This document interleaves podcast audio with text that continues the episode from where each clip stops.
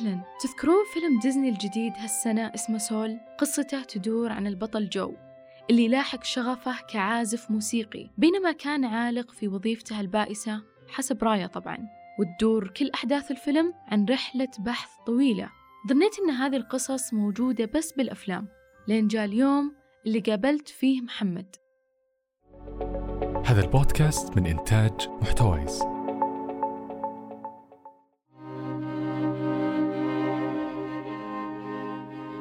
أنا كبرت يعني في في بيئة تقدر تقولي عادية جدا كانت. بس كان عندي يعني طموحات من صغري أبغى أكون كويس في مجالات مرة كتير. آه كنت أحب الكمبيوتر وأنا صغير مرة. مهتم في الرياضة من صغري يعني يعني دخلت نوادي. يعني كنت أدخل التحفيظ. أشياء عادية جدا يعني أشياء أنا يعني ما فيها يعني شيء تقدر تقولي كان جدا مميز يعني. كنت متفوق في دراستي الحمد لله. لما دخلت الرياضة اهتميت فيها صرت كويس. دخلت التحفيظ الحمد لله تفوقت فيه. آه، فكان عندي طموح لكن في بيئة وفي مجتمع عادي جدا يعني. فأقدر أقول إنه بدأت قصتي آه، من الثانوية. في هذا الوقت يعني أغلب الناس يحاول خلاص يفكر في المستقبل إيش الجامعة اللي حيدخلها إيش التخصص إيش إيش المسار اللي حيكمل فيه في حياته. فأنا يعني سألت وكنت أطمح لشيء مرة كويس وقالوا لي إنه أرامكو كان أفضل خيار. فعرفت إنه أرامكو طالبين الرياضيات واللغة الإنجليزية اني اكون مرة كويس فيها فشديت حيلي فيها. و... والحمد لله بعد الثانوية قدمت على أرامكو وانقبلت. انقبلت في برنامج الابتعاث حقهم. فلما دخلت برنامج الابتعاث في البداية خيروني التخصصات اللي اللي أنا حدرس فيها وأشتغل فيها. هنا كان الموضوع جدا متعب بالنسبة لي ومحير. آه لأنه يعني واحد عايش حياة عادية آه روتين لمدة 12 سنة. فجأة بتخيروا على حاجة لازم يكمل عليها طول حياته والناس حتعرفه بهذا الشيء. فكان الموضوع مرة صعب بالنسبة لي. إيش الشيء اللي الناس حتعرفني به طول حياتي؟ كان يبدو لي في وقتها إنه أقرب شيء أنا أحب الكمبيوتر. فالكمبيوتر أنسب شيء كان. فحطيت تخصص الكمبيوتر وحطيت رغباتي الثانية في حال إنه الكمبيوتر ما كان متوفر وفعلا الكمبيوتر ما كان متوفر وأرامكو طلبوا مني إني أختار أو إني أكمل في مجال هندسة البترول. فهنا أنا وافقت على مضض لأنه بالنسبة لي إن أنا أدخل أرامكو كان حلم من بداية الثانوية. فما خليت مسألة إنه أوه التخصص هو اللي يمنعني. فوافقت وقعت العقد وبدأت إني أنا أدخل آه، هندسة بترول. برنامج الابتعاث حق أرامكو في سنة في الشرقية عندهم قبل قبل الجامعة. في سنة الشرقية كان أول يوم جاء مدرس الكيمياء يسوي لنا اختبار تحديد مستوى وأنا في الثانويه كنت شوية يعني أضعف مادة عندي كانت الكيمياء فأخذت صفر من عشرة فكانت بالنسبة لي صدمة يعني الواحد جاي من مدرسة ودافور عرفت؟ آه، يعني واحد جاي من مدرسة ودافور فبالنسبة له الصفر يعني متعب كان فهنا عرفت إنه قلت لا أضحك على نفسي خليني إيش؟ أتأكد إنه فعلا هذا المجال اللي أنا أبغاه كنت عارف إنه مو هذا المجال فتكلمت مع رامك مرة ثانية مع بعد مشاورات ومناورات قالوا خلاص تدرس كمبيوتر ما في مشكلة. فتغيرت تخصص الكمبيوتر خلصت السنة حقت الشرقية وابتعثوني لواحدة من أقوى الجامعات في بريطانيا في تخصص الكمبيوتر. والحمد لله يعني تخرجت بمرتبة شرف وخلصت فترة البعثة. وخلاص بعد البعثة كنا نرجع ونبدأ نشتغل في الوظيفة. فرجعت للوظيفة وأنا كل حماس كده وكل طاقة يعني أبغى أعمل إنجازات في حياتي وأعمل حاجات كبيرة وأغير في حياة الناس وأحسنها وكان هذا هدفي وهذا طموحي. لكن الصدمة أول ما رجعت يعني وكلت بمهام كانت جدا روتينية.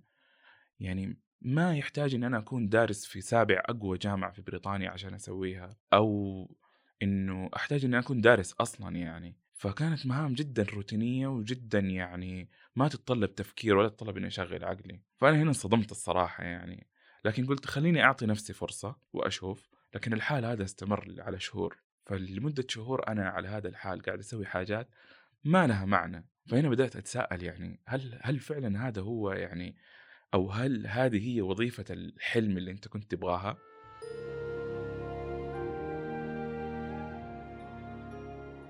بعد كل هالسنوات اللي قضاها محمد من دراسة واختبارات وبحوث رجع من الصفر للسؤال الأول. هل هذا الشيء اللي كنت أسعى له؟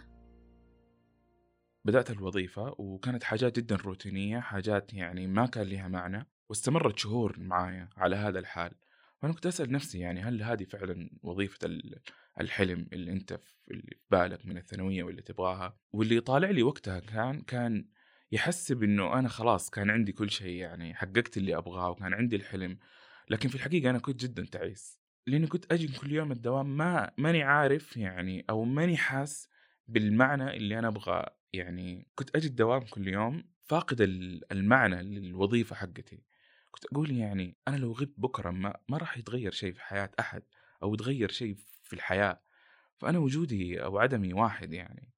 وبالذات إن أنا كان عندي طموح إني أعمل حاجات مرة كبيرة. ففقدت المعنى حرفيا يعني فقدت المعنى صرت يعني صارت روحة الدوام جدا شيء صعب الطريق صعب آه اني أنا تفاصيل صغيرة كانت جدا صعبة علي. إن أنا أقوم مثلا من النوم كان مرة شيء مرهق بالنسبة لي. إن أنا أقوم أحط ملابس الدوام علي يعني كنت أوصل الدوام بعض الأحيان أجلس في مواقف السيارات. بعض الأحيان كانت بعض الأيام أوصل للساعة الكاملة أنا جالس في موقف السيارة قبل الدوام. أسأل نفسي إنه كيف حضيع التسع ساعات الجاي من حياتي؟ ما كان في معنى في في اللي قاعد اسويه فهنا أنا نفسيتي صراحة بدأت تتدمر فقدت المعنى في الحاجات هذه في شيء في واحد في حياتي هو اللي كان يعني علاقتي معاه قاعد تتحسن اللي هو الأكل الصراحة. لأنه كان يعني كان الأكل بالنسبة لي تسلية صار الحياة صارت جدا روتينية بالنسبة لي بيت دوام أرجع البيت أجلس على الكنبة أنتظر الليل يجي عشان أنام عشان بكرة أروح دوام أنا ماني مبسوط فيه. وفي ال weekend كنت أجرب مطعم جديد وهكذا حياتي كانت حياة تعيسة جدا يعني. لكن علاقتي مع الأكل اتطورت لأنه صار الأكل ينسيني همومي السلبية هذه وصرت أستمتع فيه وصارت يعني لسنوات جلست النشوة الحقيقية اللي تجيني كانت بس من الأكل. فكان يعني شيء كويس ومو كويس لأنه طبعا وزني زاد وانعدمت حياتي ومع النفسية السيئة الأمور هذه يعني آه، ساءت. فيوم من الأيام وأنا جالس على الكنبة كعادتي يعني في روتيني أشتغل قدامي برنامج حق مسابقات طبخ. آه، وكان في الشيف جوردن رمزي هو اللي كان يعني ماسك البرنامج. يعني وقتها جات عيني على الشيف وهو قاعد يطبخ. وشفته كيف قاعد يعني منغمس في الشيء اللي قاعد يسويه. وكان واضح على وجهه إنه مرة مبسوط وحاس بالحياة. شعور يعني أنا فقدته لفترة مرة طويلة. فأنا يعني هنا وقتها قلت إنه أنا أبغى هذا الشعور. أبغى يكون عندي شيء في حياتي يكون فيه الشعور ده اللي أحس فيه بالحياة. وإن أنا قاعد أعمل شيء يعني مهم وله بصمه في الحياة. فأدمنت الشعور ان أنا أتفرج على البرنامج ده يعني صار يعطيني حياة حلوة يعني إن أنا أطالع كده كل يوم وفي ناس يعني مبسوطين وكده.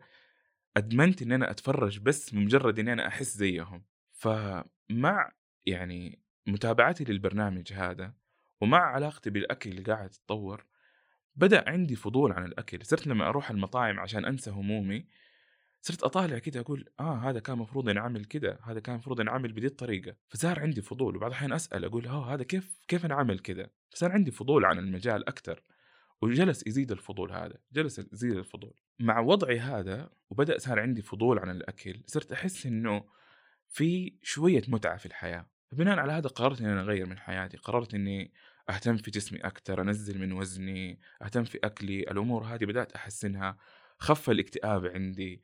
يعني صرت شخص أسعد شوية آه وأنا أدين للأكل والطبخ لهذا الشيء يعني كان هو المفتاح إنه يطلعني من حياة كانت جدا تعيسة استمرت لسنوات.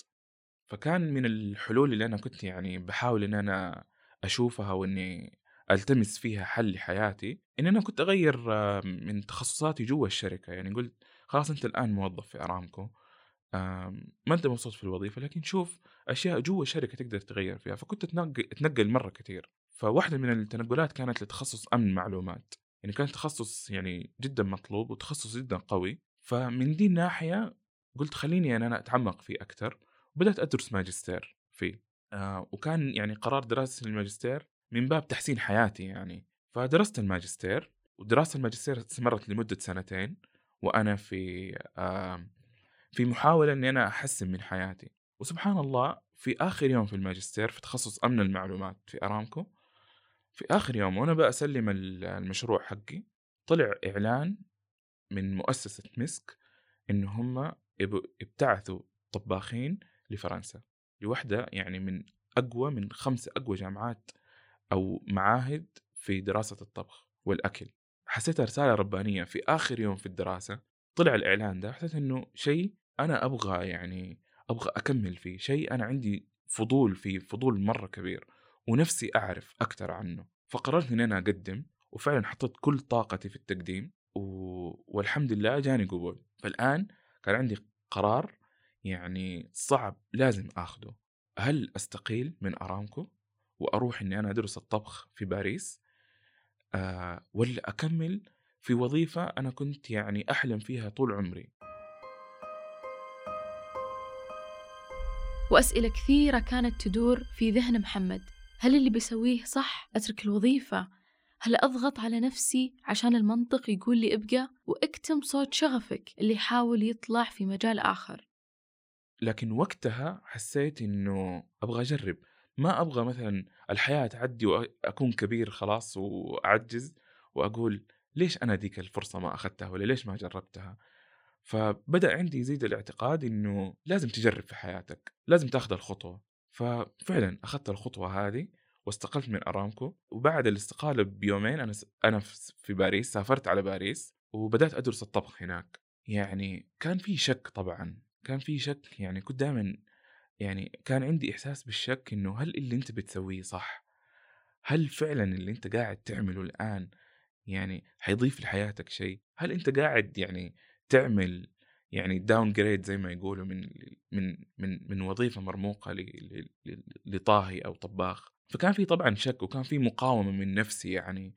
لكن ذيك الفترة مريت بظروف خلتني أحس إنه الحياة مرة قصيرة والحياة مرة حلوة وإني لازم أنا أستغلها الصراحة.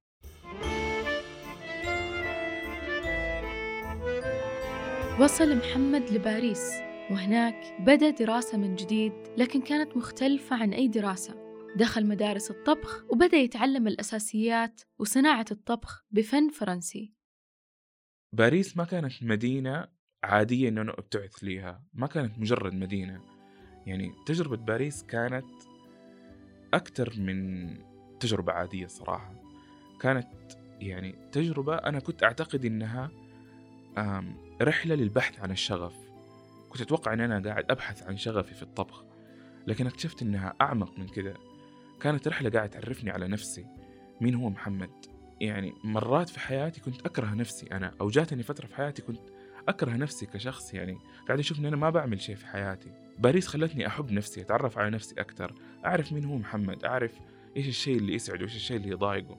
فمريت في ظروف في ظروف في باريس يعني ومواقف مرة كثير كانت صعبة وما هي سهلة أبدا. لكن في الفترة كلها السنة ونص أنا كنت جدا سعيد.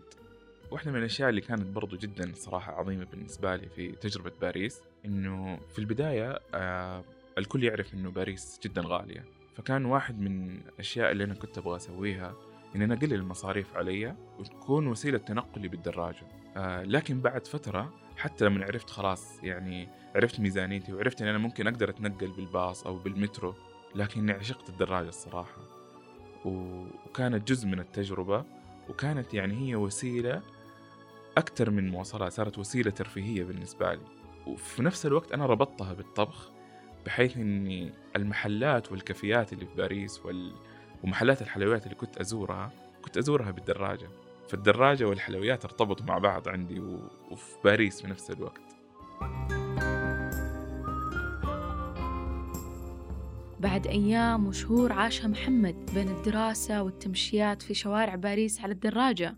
صار الوقت إنه يرجع للسعودية بس كيف كانت حياته بعد الرجعة؟ أنا رجعت السعودية وقررت إني أنا أكمل في المجال اللي أنا أحبه لأنه كنت مؤمن إنه شيء جدا نادر و... ونادرا أحد يكون محظوظ إنه يلاقي الشيء اللي يحبه وشغفه من أول مرة أو من أول تجربة أنا عديت بما... بتجارب جدا كثيرة الين ما عرفت إنه أوكي هذا الشيء اللي أنا من جد أنا أحبه وإني أنا أبغى أكمل فيه. فقررت اني أنا يعني راجع السعودية أنا حكمل في المجال ده.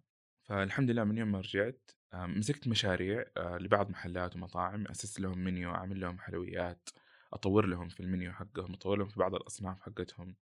فكرة إن أنا أدرس مدرسة الطبخ يعني بعد ما زاد اهتمامي في في الطبخ وصرت صار عندي فضول وصرت أشوف الفيديوهات الناس اللي تطبخ وزي كذا كنت أبحث يعني إيش إيش إيش في شيء أقدر أسويه عشان أقدر أحسن من طبخي. فطلعت لي إنك تدخل تدخل مدرسة طبخ لكن تكاليفها جدا عالية و... ومو أي أحد يقدر يسويها. فكانت بالنسبة لي زي حلم أنا مؤمن إنه ما راح يتحقق الصراحة.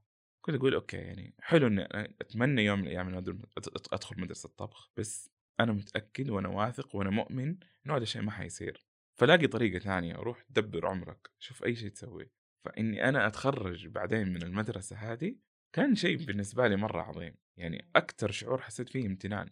حسيت فيه امتنان وحسيت إني أنا أبغى أرد الرسالة هذه للناس.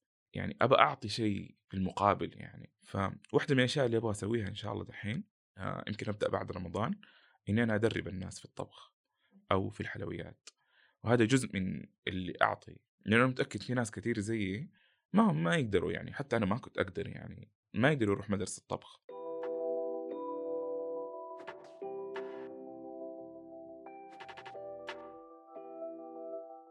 فأنا الآن صار لي شهرين راجع من باريس لكن القصة بالنسبة لي ما انتهت. أنا جدا مؤمن أنه قصة الشخص هي حياته كاملة وكل يعني مرحلة يعدي فيها هي جزء من القصة. فأنا قصتي ما زالت مستمرة القصة ما انتهت. أنا في واحد من فصول القصة حقتي. آه لكن اللي قاعد أتعلمه إنه كل جزء من القصة قاعد يعلمني دروس ويهيئني للجزء الجديد من من قصتي. فاللي تعلمته آه إني أستمتع بكل يعني جزء من قصتي أو كل شابتر من قصتي وإني أخلق معنى جميل إن أنا أعيش به باقي القصة. فأنا اليوم الشيف محمد مؤمنة من مهندس بترول لمهندس كمبيوتر. لشيف حلويات. الحياة بحر واسع من الاحتمالات وهناك مكان شاسع للدهشة وكل منا قصة تستحق أن تروى. وفي قصة ضيفنا محمد لمستنا روح شغفه اللي ما لها حدود. فانظر في داخلك وفيما حولك بحثا عن القصة التالية. فالقصة لا تموت القصة تحيا إلى الأبد.